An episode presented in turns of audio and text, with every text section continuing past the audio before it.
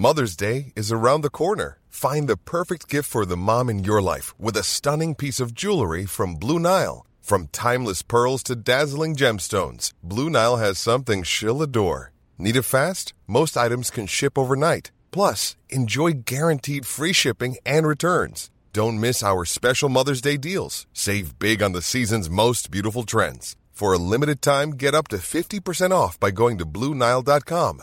That's Blue Nile.com.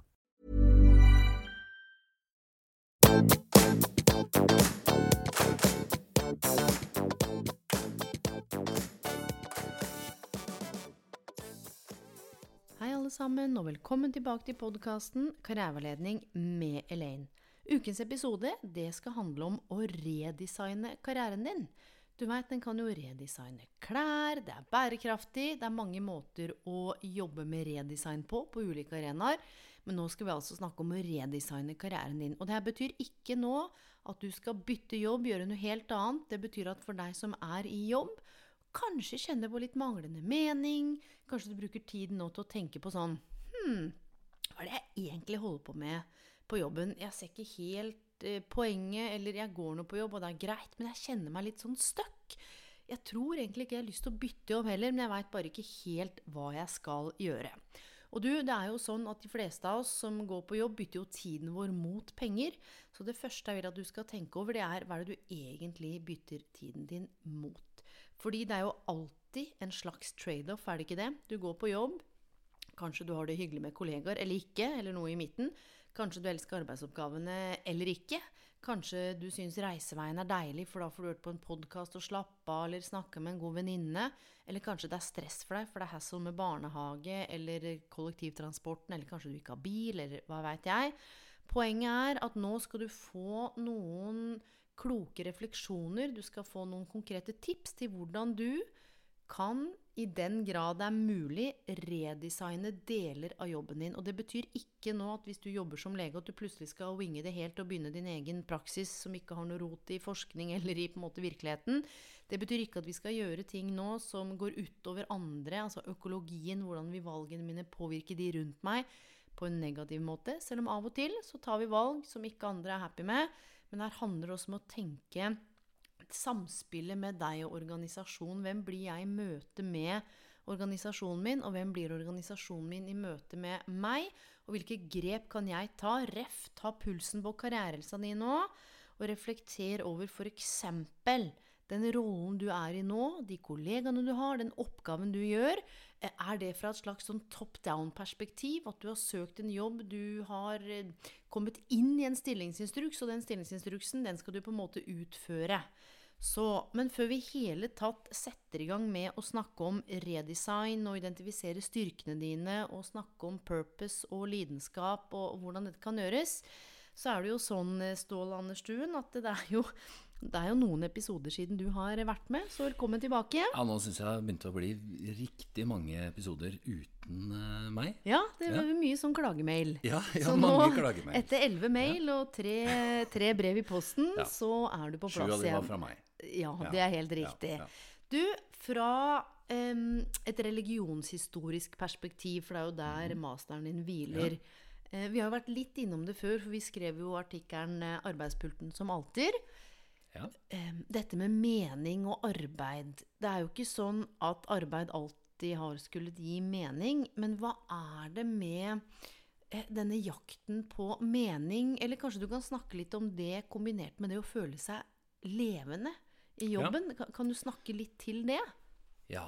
Du, det er jo stor, veldig stor tematikk som sådan. Men ja, vi tar det kanskje litt sånn eh, Mye av det vi snakker om i dag, handler jo om liksom det å finne mening i jobben og med jobben. Eh, og så er det, hvis vi bare tar og ser 50-70 år tilbake i tid ja, Var det nødvendigvis så mye snakk om mening i jobben da? Ikke på den måten som vi gjør i dag, i hvert fall. Um, og det du kommer inn på det er dette her med mening. Fordi når vi nå skal snakke om redesign, så kanskje vi skal redesigne hvordan vi snakker om mening? Ja takk. Og i det også, i tillegg til å adressere det, så vil jeg at du skal snakke til noe som også handler om spiritualitet i dette med mening. For de to er tett kobla. Mm -hmm. Men det er vanskelig å få øye på den koblingen, fordi en tenker at spiritualitet er noe som liksom åh, det er rosa syngeboller og lilla skjerf med sånn Ja. Så først snakke litt til det du beskriver nå, om å kunne redesigne mening, og så si noen ting om, om eh, hvordan det er en slags sammenheng mellom spiritualitet og mening. Ja. Eh, jeg er jo veldig glad i en eh, Ja, glad i en mann. Altså, han heter Joseph Campbell. Eh, og han eh, snakka om dette her med mening på en sånn veldig fin måte. Eh, som jeg tror kanskje passer fint i dag, apropos redesign, da.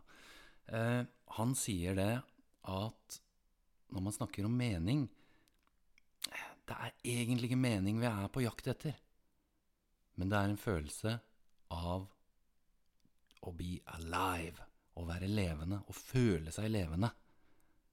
Og hvis vi da tar det fra det perspektivet der, får jobben din deg til å føle deg levende?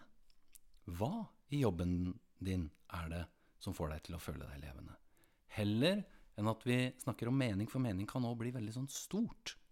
Men når du spør om det med spiritualitet og mening, da Mening er nok noe sånn veldig sånn grunnleggende for oss mennesker. Og det er jo sånn Viktor Frankel og de store som har skrevet om mening og søken etter mening og sånn. Det er noe som ligger veldig iboende i oss. Ja, for det er jo sånn Dette er jo ikke noe som bare er et eh, fenomen de siste 30 årene. For selv om en snakker om kanskje at det eh, langt tilbake, da, sånn når vi snakket om arbeidspulten som alter den artikkelen vår, at mening på en måte Eller arbeid var noe helt annet eh, tidligere enn det det er nå. Så har vel mennesket på sett og vis, hvis du ser tilbake i gamle skrifter altså Det har jo vært snakket om eller skrevet om mening, men kanskje på en annen måte, da, eller? Ja, altså det, det kommer jo an på hvor er det du søker etter mening.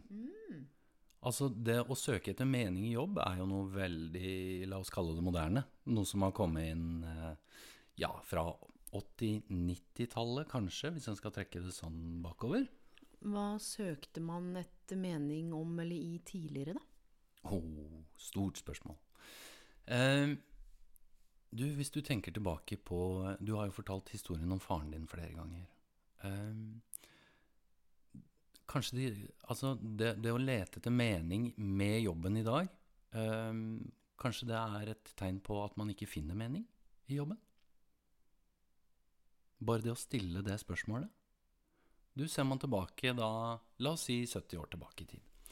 Hvis du, hvis du eh, Altså, jobb handla om noe annet. Jobb handla kanskje mer om de litt mer sånne grunnleggende tingene. Det å få maten på bordet, det å betale husleia. Og så, og så fant man kanskje mening i andre ting. Og der, kanskje, eh, i løpet av de siste 30 årene, siden i hvert fall 60-70-tallet, så har jo dette her med spiritualitet kommet mye mer inn i eh, kulturen også enn det det var tidligere. Men når det da har kommet inn i kulturen, så er det jo veldig lite snakk om apropos karriereveiledningsperspektivet. Og vi har jo som sagt mellom oss, det har vi sagt før, det deler jo flere tusen menneskemøter. All walks of life, de fleste religioner, vil jeg si, og de fleste kulturer sånn Jeg tror vi deler et mangfold på sikkert 100 ulike nasjonaliteter i alt vi Ja. har jobbet med og møtt. da. Du Ja. skal se på mennesker i, i alt det vi har gjort. Eh, og så er det en sånn kjerne som går inn, og det er jo nettopp dette med å høre til. Ikke sant? Være en del av noe, apropos community. Og jeg tror, hvis jeg skal snakke til noe av det du eh, løfter fram nå, da, i forhold til mening og spiritualitet, så er det et aspekt her som også handler om hva er det jeg søker for min del, men også hva er jeg en del av? Ja. Eh, hvor mange som kjenner seg aleine på jobben. Dette har vi adressert i en episode om å være sykemeldt. Hvordan du kan sitte midt i lunsjen og føle deg aleine, eller det der å være karaf. ikke sant? Vi har snakket om det. Vi låser oss inn i fugleburene våre. Hilser knapt på naboen, er det veldig satt på spissen. Mange har jo community òg. Og det er derfor litt dette med å redesigne, hvorfor vi løfter fram mening og spiritualitet, handler jo også om hvordan er det jeg ser på jobben min? Hva er mine narrativer, altså mine historier om hva jobb, utdanning, karriere er? Eh, Hva er livstemaene dine? Hva er det du kan se som en rød tråd? Eh, har du alltid på en måte vært eh, den som er på tilbudssida og alltid er snill og god? Er du den som alltid presterer? Har du på en måte alltid vært offeret? Hva, hva slags livstemaer eller sånn røde tråder kan du se strømme gjennom karrierevalgene dine? Er de tatt fra et sted av autentisitet, som vi har snakket om tidligere, som handler om hva som er riktig og viktig for deg, eller fordi det har vært riktig og viktig for andre? Og det koster så mye. Så dette med å redesigne, litt av poenget her, det handler om at du nå skal få noen konkrete grep hvor du faktisk kan reflektere over um, Du gjør et lite sånn mindshift, et lite sånn mentalt skift i forhold til hva jobb kan være. Og det handler om å se på hvilke oppgaver er det du utfører i dag. Og de oppgavene du utfører, de arbeidsoppgavene, hvordan korrelerer de med styrkene dine? Altså det du er god på. Fordi det er noen ting Ståle, jeg er naturlig god på, Mhm. og andre ting jeg er naturlig mindre god på. Og da har jeg lyst til å spørre deg, kan du huske tilbake til en jobb du har hatt eh, hvor du kjente at det ikke var helt i tråd med styrkene dine? Ja, definitivt. Um, det kan jeg huske tilbake til. Ja. Hva Hva var det for noe? Mhm. Ehm, du, eh, nå må jeg komme på noe sånn veldig på sparket, men jeg husker jo eh, Jeg gikk inn i en eh, jobb hvor eh, en av arbeidsoppgavene var å svømme. Og fordi jeg skulle være med på svømming, det her var jo da en sånn omsorgsbolig-type jobb. Eh, kanskje litt sånn rart eksempel, men Nei, eh, fantastisk eksempel. ja, ja. Eh, men det var nå da sånn at en av de arbeidsoppgavene, det var eh, å være med på svømming. Og det viste seg at den personen som jeg da skulle være med og eh, passe på, sørge for at de fikk et godt og fullverdig liv, var en sjukt god svømmer. Hun var så god på å svømme. Dette er ja, en dame da i sånn 50-åra. Skulle aldri tro det, men hun var en fantastisk svømmer. Og jeg var ikke en veldig god svømmer. Skal jeg si deg en ting? Vet du hvorfor det eksempelet der er helt fantastisk? For det er flere ting. For det første at du har jobba i en omsorgsbolig. Ja. Så fint. Ja. Eh, apropos dette med et fullverdig og rikt liv, og hvordan community og det å eh, ikke bare være opptatt av lønna, men det å faktisk da Apropos mening, da. Bidra til at andre får det bra. Eh, og den opplevelsen, det er det jeg er ute etter, den opplevelsen av Og dette er et veldig konkret og bra eksempel, og kanskje litt sjeldent, men hva en føler når en ikke mestrer, eller hvis styrken ikke er up to par. Fordi kan ikke du slippe oss inn i litt av den indre dialogen du hadde da? Og det er klart, du veit jo ikke at jeg skal spørre om noe av dette, og det er derfor jeg liker at du Ja. tar det på spar. Hva foregikk oppi huet ditt? Ja, nå skal jeg svare helt ærlig, for nå begynner det å bli noen år siden som jeg var inne i den jobben. Det første jeg tenkte var vel Oh, hvordan skal jeg slippe unna det her? Shit, hva kan jeg gjøre nå for å komme meg unna den situasjonen? Kan jeg si at jeg er sjuk? Kan jeg si at jeg ikke har med badetøysutstyr? Av de to alternativene, hva tror du jeg valgte da? Og skal jeg si deg, det her var første dag på jobb som jeg ble konfrontert med, med den her eh, situasjonen. Hva du valgte av å For jeg hadde jo ikke fått beskjed på forhånd om at jeg skulle være med på svømming. Og så møtte jeg opp på jobb, og så Du hadde ikke med badetøy, da? Nei. Og så var det den indre dialogen min hvor jeg liksom da tenkte Ok, hva er smartest å si nå for å komme meg unna Jeg den aner situasjonen ikke. her? Men jeg veit, og som vi veit òg, at uh, Mr. Carl Jung sier at vi lever i to verdener. Den indre og den ytre. Ja. Så ta oss med inn i den indre verden din nå. Den indre verden her, den var veldig spennende.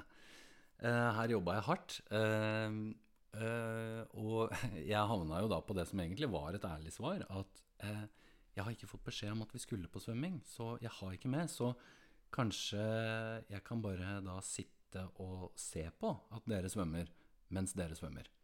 Og så begynte jeg samtidig å spinne. Hvordan skal jeg unngå det her fremover? Jeg visste at hun skulle på svømming én dag i uka, så jeg tenkte da ok, da må jeg ikke jobbe mandag ettermiddag. Så her var det veldig mye som gikk, eh, foregikk i det indre.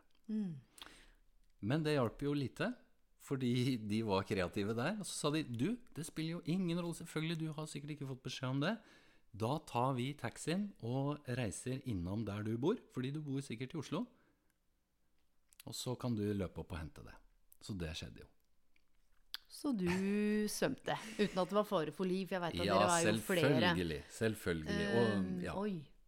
Så jeg var jo på opplæring eh, og var med på den. Eh, og jeg, jeg, ja, det, det, ble en real treningsøkt. Eh, så kan jeg da melde om at eh, jeg klarte å ordne meg sånn at jeg ikke var med på de mandagssvømmingene fremover. Fordi jeg bare, apropos mm. redesign i jobben, mm. så eh, følte jeg at jeg går til lederen så sier jeg du, det var jo ikke en del av intervjuprosessen. Og så er det sånn Du, selvfølgelig, det er jo noe hun liker å holde på med. Mm. Men jeg er nok best hvis du bruker meg der og der og der. Mm. Eh, og så kanskje er det noen mulighet for at jeg kan jobbe tirsdag og torsdag f.eks. heller enn den mandagen. For jeg er ikke så god i å svømme, og jeg merka hun var veldig god til å svømme. Så ja. Ja, og så er det jo sånn eh, Jeg kjenner deg jo lite grann, men det, altså, og det her må det jo passes på. Ja, det er så det er ingen det som kan, om kan svømme av mhm. gårde aleine nettopp. Nei. Så det er en sikkerhet. Og du, det her er en så viktig nøkkel når man skal tenke redesign nå. Det er derfor jeg syns det var så bra. Det er å stoppe opp og reflektere over hva, hva er styrkene mine. Så en, se på stillingsinstruksen din. Det er det ene. Hva, hva er det du er betalt for å gjøre? Nummer to, ta et blankt ark eller reflektere hva er det jeg gjør utenom stillingsinstruksen min. Hvorfor gjør jeg det? Er det noen uuttalte forventninger som jeg tenker at lederen, kollegaene har? Er det noe jeg tar på meg?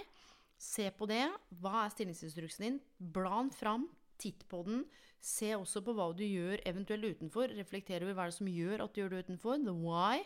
Og så ser du på ok, hvor i disse oppgavene her er det jeg kan bruke styrkene mine? Hvor i oppgavene er det jeg føler meg litt sånn powerless. Altså kjenner jeg at jeg må bare push through. Og du, jeg skjønner dette her handler ikke om at nå skal du bare si fra deg 17 oppgaver. Men se på, når vi snakker om å redesigne, identifiser hvor styrken din er. Fordi det handler om at da kan du også begynne å ta mer kontrollen over de arbeidsoppgavene som du trives med, som du mestrer, hvor du kanskje finner mer mening. For sannheten er styrkene våre og verdiene våre henger f.eks. tett sammen. Hvis jeg har en verdi på at jeg Sett at omsorg for meg er en stor verdi så er jo det eh, samspill, samhold, trygghet, altså nærhet i relasjoner Det vil kunne være Jeg sier ikke at det alltid er det, men noen styrker der som jeg har med meg basert på verdiene mine. Og det her er sjukt viktig å reflektere, for i styrkene dine, mine venner, så kan du også finne noen av verdiene dine. Og det her tenker jeg er så viktig, fordi plutselig når vi snakker om mening, så kan det være at du gjør oppgaver som ikke går på akkord med hvem du er, men som kanskje ikke helt er forankra i verdiene dine og eller styrkene dine. Så det å identifisere og sortere sånn som du gjorde, og steg nummer to er å ta kontroll. Gå og snakk med lederen din i den grad det er mulig. Eller du kan også begynne å gjøre noen små grep, redesigne, snakke med kollegaene dine, se om det går an å ratte på egen hånd uten at du må gå i dialog med lederen din. Og der er litt av poenget, fordi de fleste jobbene de kan bli eh, redesigna. Så må man jo snakke om om man er en 80 redesign eller 10% Men jeg snakket også om dette her for mange episoder siden, hvor det er en som elska quiz, hadde da fått inn det den fjerde fredagen i lunsjen som en sånn kul greie, og det var vinneren fikk en vinflaske eller en konfekt, men det var noe som samla alle. En annen eller skal bake, så startet en sånn bake bake-off hver tredje uke på en sånn afterwork som ble kjempestort. Du, for noen så bare handler det om å stoppe opp litt og reflektere over du, hva er det som er riktig og viktig for meg i arbeidsoppgavene. Vet du hva? De fleste, eller ikke de fleste, men mange av de vi har møtt, du, de bare går i det samme mølla, samme hjul, så stopper man ikke opp sånn, du. Hvorfor holder jeg de, akkurat de kursene? Hvorfor holder jeg de kursene på den måten? Ja, for det har alltid blitt gjort. Ja, men må det gjøres sånn? Du, Helen, kan jeg, deg, kan jeg stille deg et spørsmål? Åh, Veldig gjerne. Jeg blir så ja. glad når noen gjør det. Ja. Du, nå skal, vi, nå skal, vi, snakke om For mening kan snakkes om for, i forbindelse med jobb på to nivåer. Det ene er jo liksom det litt sånn større, sånn eksistensielle, nærmest, som er litt sånn meningen med livet, og ikke sånn mening med jobben eller i jobben generelt. Men nå skal vi trekke det litt ned. Som handler om men, Altså, er det meningsfulle arbeidsoppgaver du har? At du ser den sammenhengen? Har du vært i en jobb eh, hvor du har følt deg avskåret fra det? Jeg kan jo melde om at fra jeg var 13 Oi sann! Fra jeg var 13 til 15 Det var mikken som røyk. Eh, fra jeg var 13 til 15 så flippa jeg burgere. Eh, jeg var 13 år, så det som var meningsfullt da, det var jo penger, for jeg hadde lyst på TV. Eh, men da hadde jeg ikke noe begrep om alt det vi snakker om. Når jeg ser tilbake, det som ga mening for meg fordi det var jo ikke noe snakk Det var jo de kundemøtene, menneskemøtene. Hvordan en kunne gjøre dagen litt bedre. Men jeg jobbet også på Ellos. Sånn, hei, velkommen til Ellos, du prater med Len kundenummer, har du det? I ti år. Ved siden av Jeg begynte da jeg var 15 til jeg var sånn 4-25. Um, og vi ble målt på noe sånn der hvor mange telefonsamtaler. Kunne ikke brydd meg mindre. Jeg gjorde en god jobb. Eh, og så ble det sånn mersalg og dritt og møkk.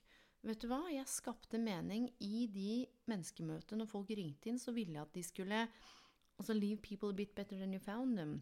Så i prinsipp var begge de to jobbene litt sånn meningsløse. For jeg var ansatt for å ta telefoner og måle på telefoner og skape noe penger oppover fordi Mm.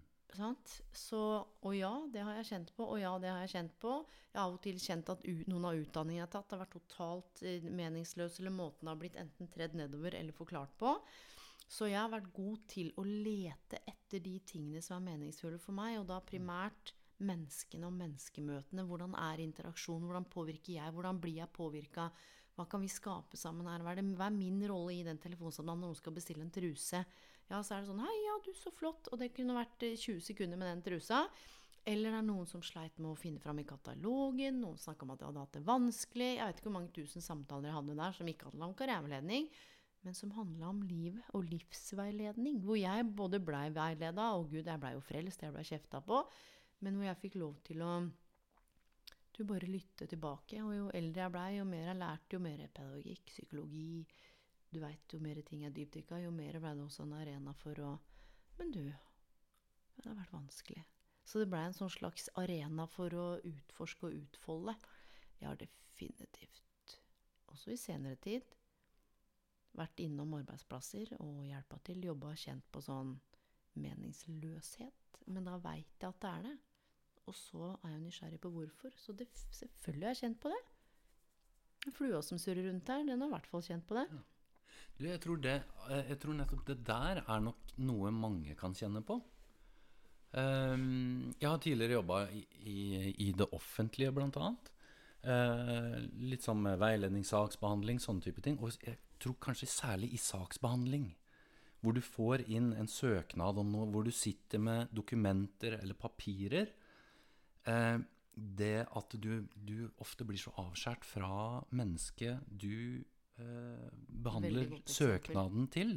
Og kanskje har skjebnen i dine hender til. Ja, du, det, det er kanskje noe som Det kjente jeg var litt bekymringsverdig noen ganger. Der måtte jeg, apropos redesign, fordi jeg fikk inn mange søknader, og så skulle jeg eh, Så det ble litt sånn Jeg husker da jeg starta, så eh, var det jeg, jeg fikk litt sånn inntrykk av at her behandler vi søknader, først og fremst. Og så blir det litt sånn å snakke med personer i, i etterkant. Du, det er rett og slett fordi en har veldig mye å gjøre. Jeg prøvde å snu om på perspektivet. Jeg skal snakke med alle menneskene, og så behandle søknadene. Det hjalp meg til bare det at her er det et menneske som er involvert. Det er ikke bare et papir. Det er ikke bare en pa svær papirbunke som fortsetter å komme inn. Du, nå er du kanskje også inne på dette som jeg tenker dreier seg om karrierehelse, og hvem en blir i møte med organisasjoner, med jobbene.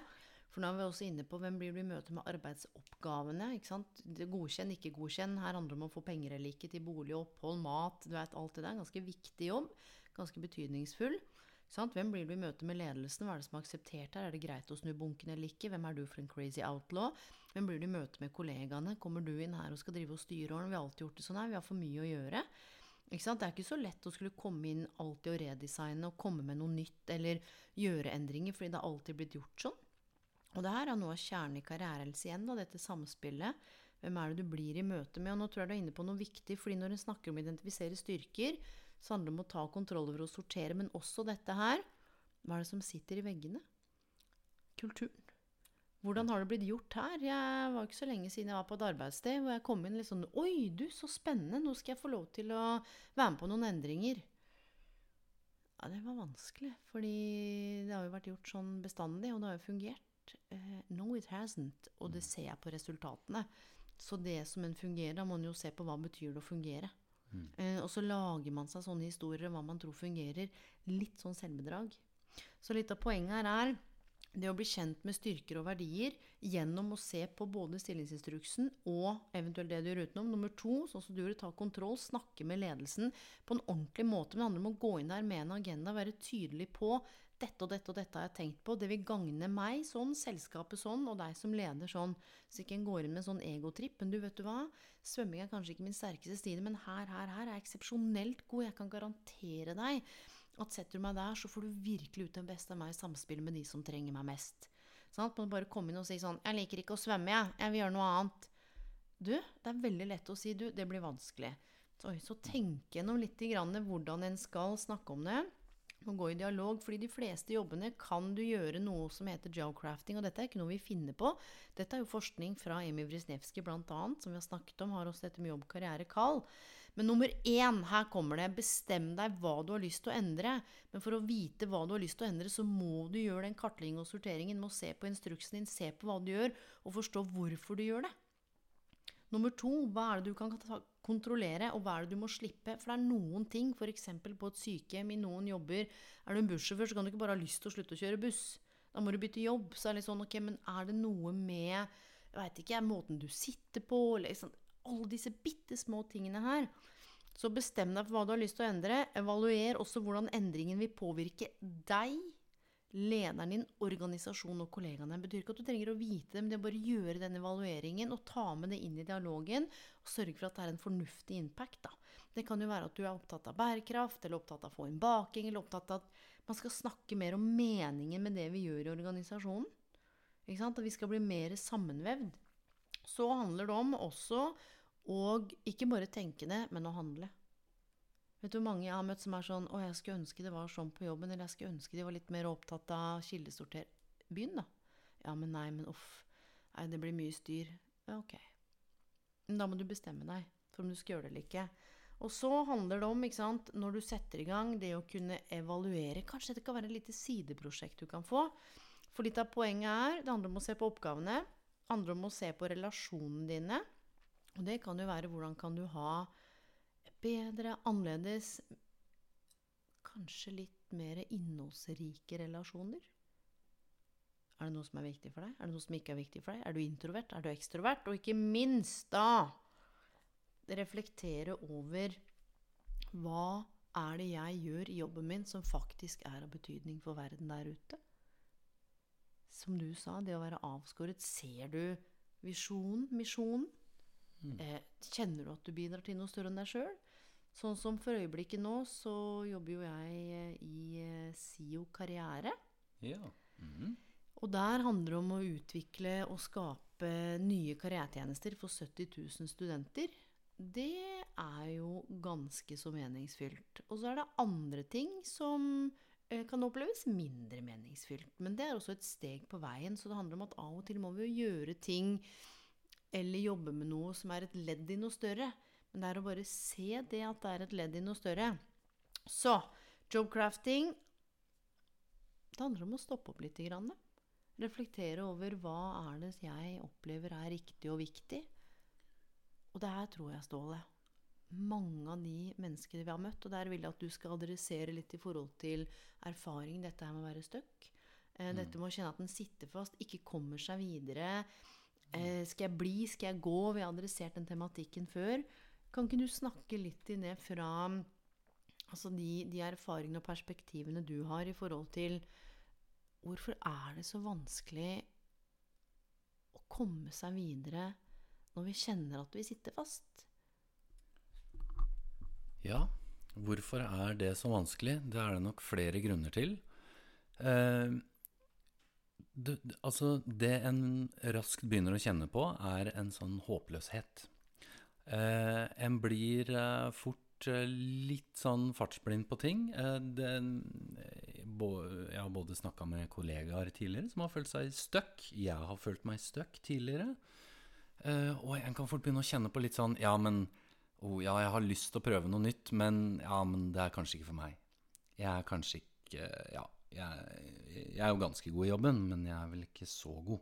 Jeg har ikke det som skal til. Jeg begynner å begrense seg sjøl veldig. Og jeg syns det som er veldig interessant og spennende med det her med eh, jobcrafting Fordi Vi er jo i en kultur hvor det har blitt eh, veldig vanlig å bytte jobb mange ganger. Yes, jeg skal bare se en ting. Og her er det jo til og med eh, NOU-rapportene som kom ut i 2016, som het 'Norge altså i omstilling', handler jo om at vi kommer til å måtte ta flere utdanninger, og vi kommer til å måtte omstille oss flere ganger, og arbeidsmarkedet og globaliseringen, og så kom pandemien, og nå jobber folk hjemme. Og det er nesten sånn at du skal ut og shoppe jobber til du lander den jobben. Drømmejobben, stå den som gir deg mening, den som alle er på jakt etter, den som oh, skal få til å føle deg levende, mening, du skal thrive, du skal bli liksom den ultimate utgaven av deg selv og få ditt. Ja, du vet litt sånn Før så var det Altså, man skal ikke romantisere altfor mye fortiden og sånn, men altså det her med yrke versus jobb. Altså det yrket, det er litt mer sånn eh, en slags profession, noe du gjør gjennom livet. Mens vi shopper litt mer jobber. Og så er det det å kunne kanskje stoppe opp litt i den jobben du er i nå. Hva er det som faktisk er bra der? Heller enn å på en måte bare tenke på at man også skal jage videre. Yes, og det er derfor denne episoden her nå om jobcrafting, nettopp for å trekke det litt ned. Og for en stund siden så både skrev jeg en artikkel, men lagde jo også en episode om hvordan finne mening der du er. Det er akkurat det vi er inne på nå, fordi vet du hva, selvfølgelig er det riktig å gå noen ganger. Men du, vet du hva, av og til så er det riktig å bli òg. Ja.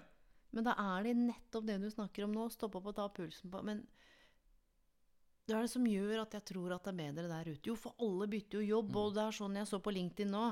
Eh, Gratulerer meg med new head of supervisor og the supervision of the whatever. Det er bare sånn what? Og det, alle gratulerer. Det er med nye jobber, og det er titler, og det er CEO, BO, FCs og DFG Does, og det er liksom head of chief everything. Og det er bare titler, og folk bytter jobber og er så lykkelige i jobbene sine. Du, bullshit! Vi møter jo mange that are not happy. Ja. Og det betyr ikke at de egentlig ikke har det bra, men altså en sånn eh, Enten så har du mening og lykke, og jobben din er helt sånn wild, eller så mistrives du. Eh, det er ikke greit helt å være normalt, vanlig menneske lenger med sånn 700 følgere. Det er ikke greit å ikke være litt sånn utstillingsvindu. Det er ikke greit å bare sånn medium trives på jobben. For det er sånn Men herregud! Du må jo ut og få ut potensialet i stålet. Medium trives? Nei, nei, nei, nei. nei. Wow, det går jo ikke. Så liksom Det normale, det er ut.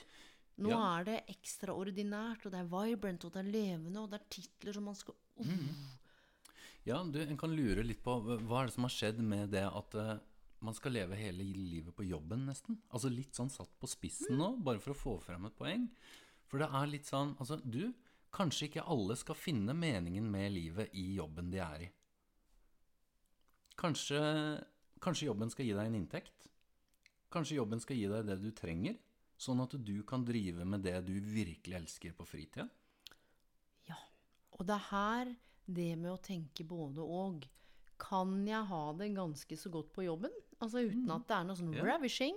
Og eh, ha det relativt godt på fritid. Og ha tid. Hør på dette her nå. Ha tid til å ha fritid. Ja. Tenk deg det. Man må ha tid til å ha fritid. Mm. Og særlig så er det noe her vi er inne på når vi snakker om jobcrafting òg. Også dette med community. Eh, jobben er, sånn- for mange er det sånn å blitt en familie på jobben, alle skal være med på alt. Det er ikke for alle, men det er også noe med å finne sånn flokken din der òg. Det kan være en fin ting. Du, vi som mennesker, apropos spiritualitet òg, det er nesten sånn Altså, det står jo sjelden noe om kollegene dine i en arbeidsbeskrivelse. Det står side opp og side ned om hva du skal gjøre, arbeidsoppgavene osv. Jeg vet vi har snakka om drømmejobben og find your why, finne ditt hvorfor, tidligere i en annen podkast. Og jeg tror mye her Det er veldig vanskelig å finne drømmejobben før du er i drømmejobben, nesten. Eh, og det kommer mye an på det, fordi eh, Kanskje litt sånn ifra, ut ifra flanken her nå, men eh, det er litt sånn eh, Kanskje man skulle møtt eh, kollegaene sine før man vurderte å takke ja til et sted. Og det er akkurat dette her, ikke sant, når vi snakker om karrierehelse òg. Hvem blir du i møte med lederen? Med rammene? Med oppgavene med kollegaene du? De, de, det samspillet der, det er så utrolig viktig. Og jeg tenker når vi snakker om jobcrafting, så er det ment som en sånn lite nudge, litt sånn inspirasjon til Ok, du skal kanskje tilbake på jobb etter ferien. Kanskje du ikke har ferie. Kanskje det er helg når du hører dette her, hvor enn du er i verden og tenker sånn Åh, mandag. Men her er det altså forskning viser at eh, jobcrafting det gjør at du kan faktisk få det bedre på jobben. Eh, det å kunne finne mening der du kanskje ikke har sett mening til. Og dette handler også om holdninger. Hva slags holdning har du til jobben? Og her er jo tidligere vist til et eksperiment med disse to gruppene som rengjorde, hvor den ene gruppa hata jobben sin og vaska på sjukehus, den andre elska det, for de vasket jo for komapasienter. Og hvor noen strøyk de og bytta blomster og satte opp vindu og snakka med de og bare så på det som at de tok vare på mennesket som lå der, mer enn at de bare vaska rundt. Eh, så hvilke holdninger er det en har med seg? da? I hvilken grad kan du utfordre deg, eller kanskje møte noe nytt i møte med jobben din? Er det en annen måte å gjøre det på? Er det noen nye programmer? Ikke sant? Bare se litt på at det kan gi deg mer glede på sett og vis. Og ikke minst også kanskje mer energi og entusiasme inn i noe du har gjort lenge. Er det en ny måte å gjøre det på? Og det her kan også være med på å påvirke arbeidsmiljøet og kulturen din sånn på en veldig smart og fin måte. Så du kan alltid snakke med lederen din og gå i dialog, sånn som du gjorde. Eller du kan begynne å gjøre små endringer, men uten at du endrer hele jobben. Poenget er at du, du skal ikke endre grunnmuren i hvordan man produserer noe. Men går det an å gjøre på en måte hvor du får brukt mer av styrkene dine, kanskje mer av identiteten din, da, og verdiene dine. Og det er jo ikke sånn at du skal redefinere jobben helt. Kom igjen, du er ansatt for å gjøre en jobb, men det kan være små grep inni der. Så litt av poenget her at jobcrafting det er noe du bestemmer deg for å teste ut og gjøre, for å se om du kan endre noen av aspektene i den jobben du har. Det handler om disse fire stegene. Bestem deg for hva du har lyst til å gjøre. Reflektere hvordan du kan skape en vinn-vinn-situasjon for deg, kollegaene og arbeidsplassen. Og ikke minst så utforske hvordan det blir, er, å gjøre dette her, og så ikke minst da gjøre evalueringer og se okay, hva slags effekt har dette her. Kan det bli en vane, og er det sånn at dette er noe som er sustainable eller bærekraftig? Hvis ikke, så kan det jo være greit å begynne å reflektere over om det finnes andre ting å gjøre. Og så er det sånn Ja, men jeg vet ikke hva det skulle ha vært. Vet ikke hva jeg kunne jobbe med. Jeg har jo bare gjort dette. Eller jeg vet ikke hvordan jeg kan begynne med jobcrafting. Vet du hva? Her har jeg og du en grunnleggende antakelse om mennesket når det kommer til jobb, karriereutdanning. Jeg skal hive det ut her. Du veit egentlig hva du vil. Trøbbelet er at når du begynner å gå for det du vil, eller finner motet til å gå for det du ønsker deg, it's gonna rock the boat av kollegaene dine, lederen din, nære relasjoner kommer til å tenke sånn Ja, men skal du bytte, du, da? Er det noe vits, eller hva skal du inn og organisere? Men kan du ikke bare gjøre sånn som det alltid har vært gjort? Ikke, ikke lag så mye styr. Du kan jo ikke slutte. Det er jo ingen andre her som kan ta over eh, det du holder på med. Nei, og det er ingen som har kompetansen din. Nei. Så avslutningsvis, eh, Ståle, fra med all den arbeidserfaringen din og liksom det regionshistoriske perspektivet, er vi inne nå i en sånn new era? Er det et paradigmeskift? For innenfor karriereveiledningen så har du jo på en måte trekk og match, rett mann, het det da. Mm. Nå er det kanskje rett mann, kvinne eller rett hen på rett plass. Mm. Og så var det læring og utvikling, og i mennesket er et subjekt. Oh, det kan tenke litt sjøl, og, Mm. og så nå er vi liksom inni det konstruktivistiske paradigmet med Sevikas og Pivi, hvor det er sånn Ja, men ingenting er egentlig sant. Vi, vi konstruerer vår eget narrativ. Eh, fordi faren din var bonde, så skal du bli bonde. Eller fordi Mm. de var leger. Liksom, vi bare flyter i narrativ og livstemaene. Så hva er det som har vært, og hva er det som er andres? Dette med å søke mening Altså, hvor tror du vi er på veien? Eh, Det er litt sånn som eh, vi eh, skrev om i Arbeidspulten som alter. Dette at meningen har blitt den nye valutaen. Det kan virke sånn, i hvert fall. Hvor er det på vei? Du, det er veldig fint at vi finner jobber som gir mening, som gir oss livsglede. Vi bor, eller vi bruker mye tid på jobbene våre. Så lenge det fortsetter, at vi bruker mye tid på jobbene våre, så bør òg jobbene gi oss noe. Ehm, så vi ser jo det særlig blant unge nå. Bærekraft, eh, miljø, mening er uhyre viktig. I tråd med verdiene? I tråd med verdiene, at man får utfolde seg, får brukt styrkene sine i jobben. Så du, det, det er jo en eh, kjempefin ting i utgangspunktet, men det er jo litt det her med Det kan også bli et jag. Og der eh, det, det kan føre til stress, press. En ser at alle andre på en måte lykkes, fordi det er det som er synlig. Og så eh, kan man da sitte igjen og tenke litt på det apropos eh, Hvis man kanskje lurer på om man ønsker seg ut av noe. Ja, men alle andre får det til. Men jeg får det ikke helt til. Å kjenne på det. Mm. Og jeg tror det er her um, det at alle andre tør, alle Ja. andre gjør, alle andre våger, alle andre har det Du, det får oss bare til å føle oss aleine. Mm. Og det er derfor jeg tror det er så viktig både ved det svømmeeksempelet ditt, som var veldig konkret Ja. um, Hvis jeg, hvis jeg skal si litt, grann, for, for å avslutte litt om dette her med spiritualitet det, det knyttes jo gjerne til religion og alle disse liksom, Litt med akkurat sånn som du sa, syngeboller, sjamanisme og alle de tingene her. Men det trenger ikke å være det. Spiritualitet handler ikke bare om å forholde seg til andre verdener, som er litt sånne mystiske dimensjoner. Du, spiritualitet, det kan handle om eh, hvordan du forholder deg til deg selv og til andre i den verden her. Litt mer sånn Hvordan er du jorda? Apropos styrker, verdier. Eh, går du for det du ønsker, eller eh, går du litt mer for den hva andre forteller deg at du bør gjøre? Eller du kjenner på frykten, at det er litt sånn fryktstyrt? Du, der Det er akkurat som en litt sånn ehm, ehm, Du bare setter deg på en sti som er litt annerledes når du går for de tingene der.